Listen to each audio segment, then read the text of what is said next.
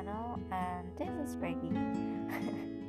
it's been a while I didn't record any podcast and it's actually not really a while because I record my podcast on June which is hampir 5 bulan yang lalu and I'm so sorry for that. And well, here I am.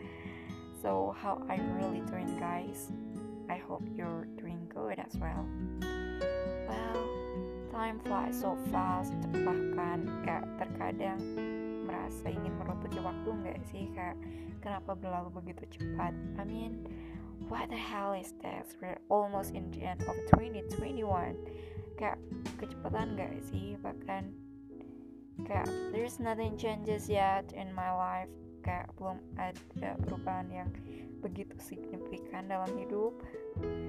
And to be honest meski tidak ada ataupun belum ada perubahan yang begitu berarti especially financially. But masih ada sesuatu yang harus disyukuri and untuk aku ucapkan terima kasih. Well I thank myself karena telah mau berproses dan belajar. What I mean is not belajar sesuatu yang formal atau berbau akademik, but lebih ke terima kasih karena mau belajar untuk mengerti dan menerima hidupmu yang sekarang. I mean like menerima hidupku yang sekarang kak. Meski tak jarang kak selalu bertarung dengan ego dan kadang selalu sarkas kepada Tuhan I mean like sarkas kayak lebih ke tidak mengerti dan berakhir mengeluh dan berakhir kayak ingin menyalahkan which is it's not really good. I mean like it's bad. And ya meski begitu uh, I always tried untuk tidak menutup mata and I thank myself for that Kak jujur aja sering kali bahkan lebih tepatnya akhir-akhir ini aku merasa sering mengkhianati diriku sendiri I mean like. Kadang hati dan pikiran dan tindakanku sering kali tidak sesuai I mean like. I don't know what's wrong with me but itu terjadi. Dan kadang aku merasa tidak berguna untuk diriku bahkan untuk orang lain but I don't know but my friend told me that itu merupakan sesuatu hal yang wajar di fase hidup gue saat ini but I don't know which is itu beneran wajar atau enggak I don't know. Apakah kalian juga merasakan atau enggak? I hope you can tell me. And I actually I want to apologize to myself for that. But dari proses yang penuh dengan emosi tersebut well setidaknya aku menemukan dua pola selama sorry dua pola dalam hidup yang I think tidak bisa terpisahkan selama kita hidup. And it is keberanian dan ya keberanian.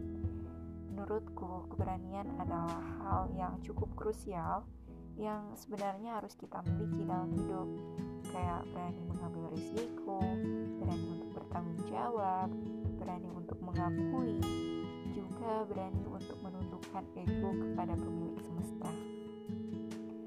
Dan tak jarang karena rasa takut kita di kondisi tertentu kita malah menyalahkan takdir I like padahal nyatanya yang harus kita lakukan adalah berani untuk berjuang berani untuk bertahan dan berani untuk terluka. Ya berani untuk terluka. I mean like hidup tuh gak bakal mulus-mulus aja gitu loh.